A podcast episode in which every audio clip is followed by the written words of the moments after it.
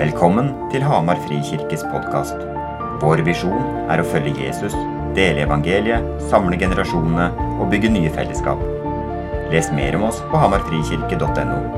Her er talen fra søndagens gudstjeneste.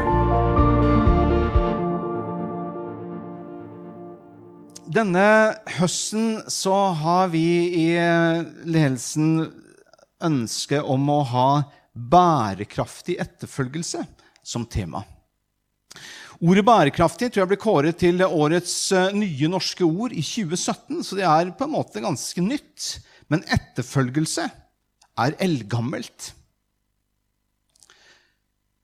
Eh, talen min i dag har jeg eh, tenkt å kalle to ting Jesus sa, og én ting han knapt nevnte. Og som en intro til eh, denne talen La dere merke til hvem Philip André, som ble døpt i dag, hvem han så på under dåpen. Pappaen sin, som holdt han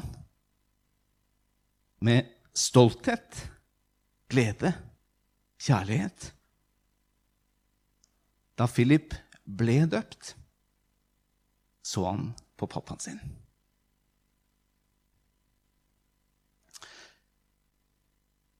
Er vi skapt til å være alene fra fødselen av? I en uh, film på YouTube som jeg har vist en del sammenhenger i forbindelse med samlivskurs, med to veldig kjente, anerkjente forskere og fagpersoner innenfor psykologi, barnepsykologi og tilknytningsteori, to som heter Sue Johnson og Edward Tronick. Sistnevnte har vært leder for eh, en avdeling ved Harvard University i USA. De siterer en amerikansk poet og humanist i dette innslaget. Han heter Walt Whitman oppsummerer We were together. I forget the rest. Mennesket er nærmest designet for tilhørighet, for tilknytning, ikke til isolasjon og aleneliv. Vi har behov for en omsorgsperson. Og så kan man undres, for dette er en ganske bred faglig enighet, hvor kommer det behovet fra? Hvorfor er det sånn? På en måte skulle man tro, kanskje ut fra en sånn eh, overlevelsesperspektiv, hadde det ikke vært bedre om vi var individualister. Som eh, ramla i gulvet der livet starta, og gikk videre derfra med det utgangspunktet. Jeg tror det er, eh, sier noe om Gud, og jeg tror det sier noe om hans intensjon. Jeg tror det er lagt i oss fra skaperen hånd det naturlige for oss mennesker, det er å være sammen med Gud. Å ha en tilhørighet. Og det å få lov til å vandre med noen. Det er naturlig for oss mennesker. I Mika kapittel 6, vers 8, et av mine personlige favorittvers, kan vi lese han har kunngjort for deg, menneske, hva godt er. Og hva krever Herren av deg? Bare at du gjør rett, viser trofast kjærlighet og vandrer ydmykt med din Gud.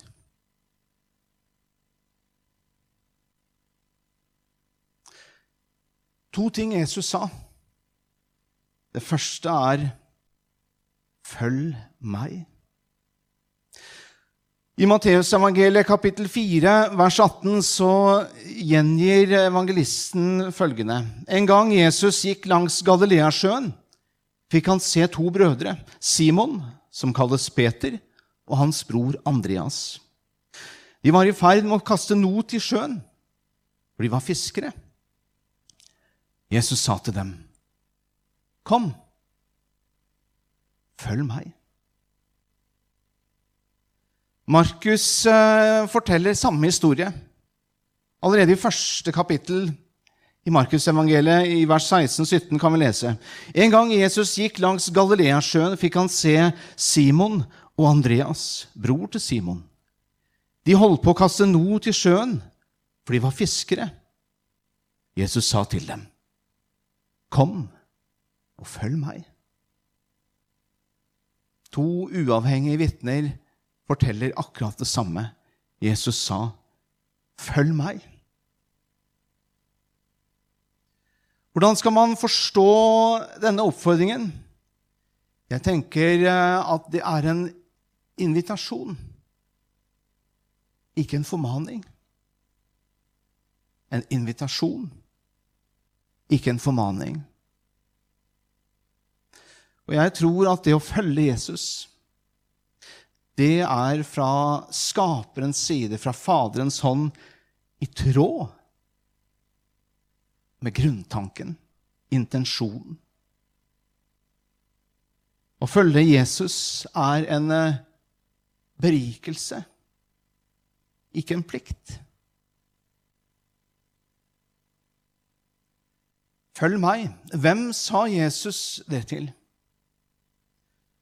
Var det skoleflinke, godt utdannede folk? Var det folk med mye penger? Eller hadde en posisjon i samfunnet? Var det folk som levde et tilsynelatende vellykket liv? Var det de store og de sterke?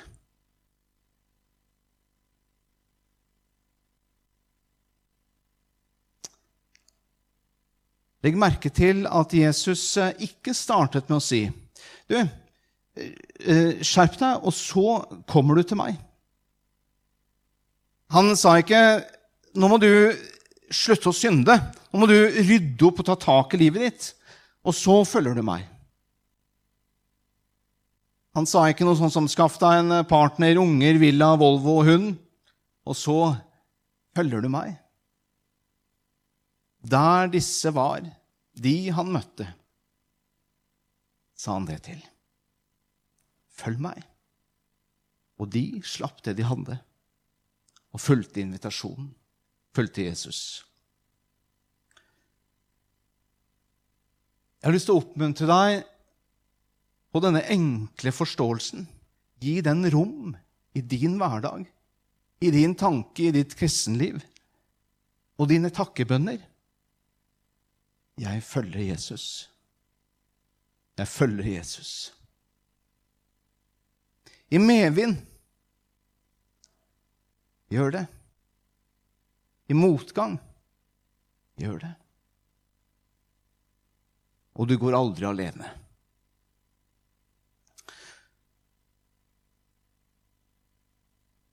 Så vil jeg si noe om som Jesus knapt nevnte. Og det er ordet 'burde'. Jeg søkte på ordet 'burde' på Bibelselskapet sin side, og det gir fire treff i evangeliene. Det første er Matteus evangeliet kapittel 18, hvor Jesus forteller en lignelse som kalles en ubarmhjertig tjeneren. Der sier Jesus i denne historien Hele gjelden etterga jeg deg fordi du ba meg om det. Burde ikke også du ha vist barmhjertighet mot din medkjenner, slik jeg viste barmhjertighet mot deg. Der brukes ordet 'burde'. Og I Matteus og Lukas-evangeliet er det en situasjon hvor Jesus på en måte konfronterer den kirkelige makteliten i samtiden. Han sier, 'Ved dere skriftlærde og farisere, dere gir tiende av mynte og anis og karve,' 'men forsømmer det som veier mer i loven.' Rettferdighet, barmhjertighet, troskap. Det ene burde gjøres, og det andre ikke forsømmes. Og Det fjerde treffet vi får, er også i en lignelse. I Matteus evangeliet kapittel 25, under lignelsen om talentene, så sier Jesus til en av de tre som fikk ulike mengder Han sier til den som fikk ett talent, og som gravde det ned, og kom tilbake med det ene uten å ha fått det til å vokse og gro. I denne historien sier Jesus da burde du ha overlatt pengene mine til den som driver med utlån, så jeg kunne fått dem igjen med renter når jeg kom tilbake. Og det er de få stedene ordet 'burde' gjengis, iallfall ifølge Bibelselskapets søkemotor. Og Det syns jeg er veldig interessant. Jesus bruker ikke 'du burde' eller 'du burde ikke', verken som en taleform eller veilederstil. Jesus introduserte ikke noen form for burdisme overfor sine etterfølgere. Men det kan være fort gjort å gjøre det selv.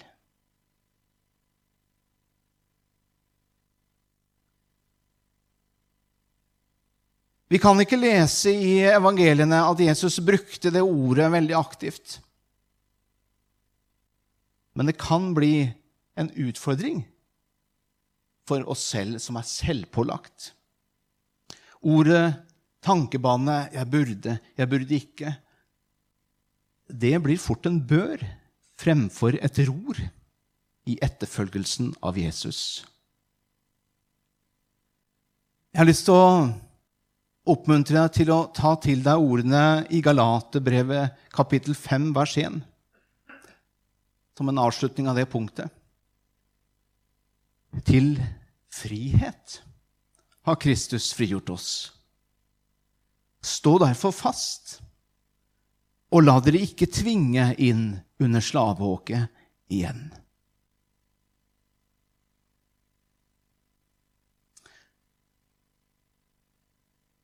Det andre utsagnet Jesus sa, som jeg vil trekke fram i denne talen om bærekraftig etterfølgelse, Matteus evangeliet kapittel 11, vers 28. Kom til meg,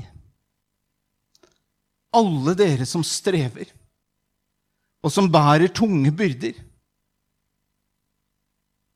og jeg vil gi dere hvile. Kom til meg, alle dere som strever og som bærer tunge byrder. Jeg vil gi dere hvile. Det er trøst til oss og til deg som kanskje har ting i bagasjen du syns det er tungt å bære. Trøst til deg som kanskje syns dagene kan være grå, vanskelige. Trøst til oss som kjenner på at samtiden virker utrygg kanskje skremmende.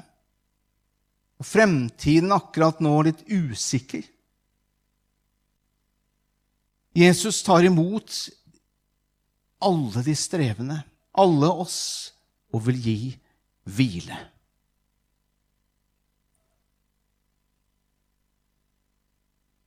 Noen ganger kan det å stoppe opp og få lov til å lempe av litt tung gråstein fra livets sekk til Jesus være godt. Jesus inviterer deg til å gjøre det i dag.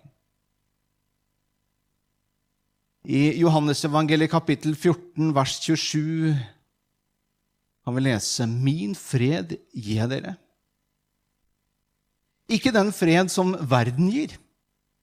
La ikke hjertet bli grepet av angst og motløshet.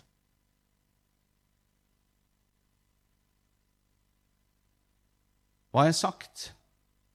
I denne talen som nærmer seg veis ende. Jeg har sagt at det å følge Jesus er det naturlige livet for oss som er skapt av Gud, hans barn. Jesus inviterte ikke ensidig vellykkede utvalgte til å følge ham. Han inviterte alle. Og deg. Jesus veiledet ikke gjennom 'du burde', 'du burde ikke'. Jeg vil oppmuntre deg til å ikke la burde bli et åk for dine tankebaner, din tro eller din hverdagsvandring med Jesus. Ta imot friheten Jesus har gitt deg, og gi den friheten, Jesu frihet, rom i dine tanker, handlinger, bønner, takksigelser, prioriteringer. Del det du strever med, og del byrdene dine med Jesus som en del av din hverdagsvandring med Han. For Han vil og kan gi deg hvile. Og til slutt Den som eh, tar imot Jesus, er kommet hjem.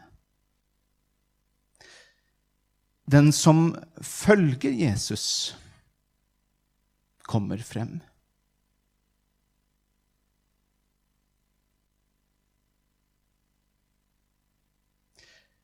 Jeg ber. Takk, Jesus, for din invitasjon, som står i eh, lyset av din, eh, din frelseshandling, hvor du ga deg selv for meg, oss alle, til liv.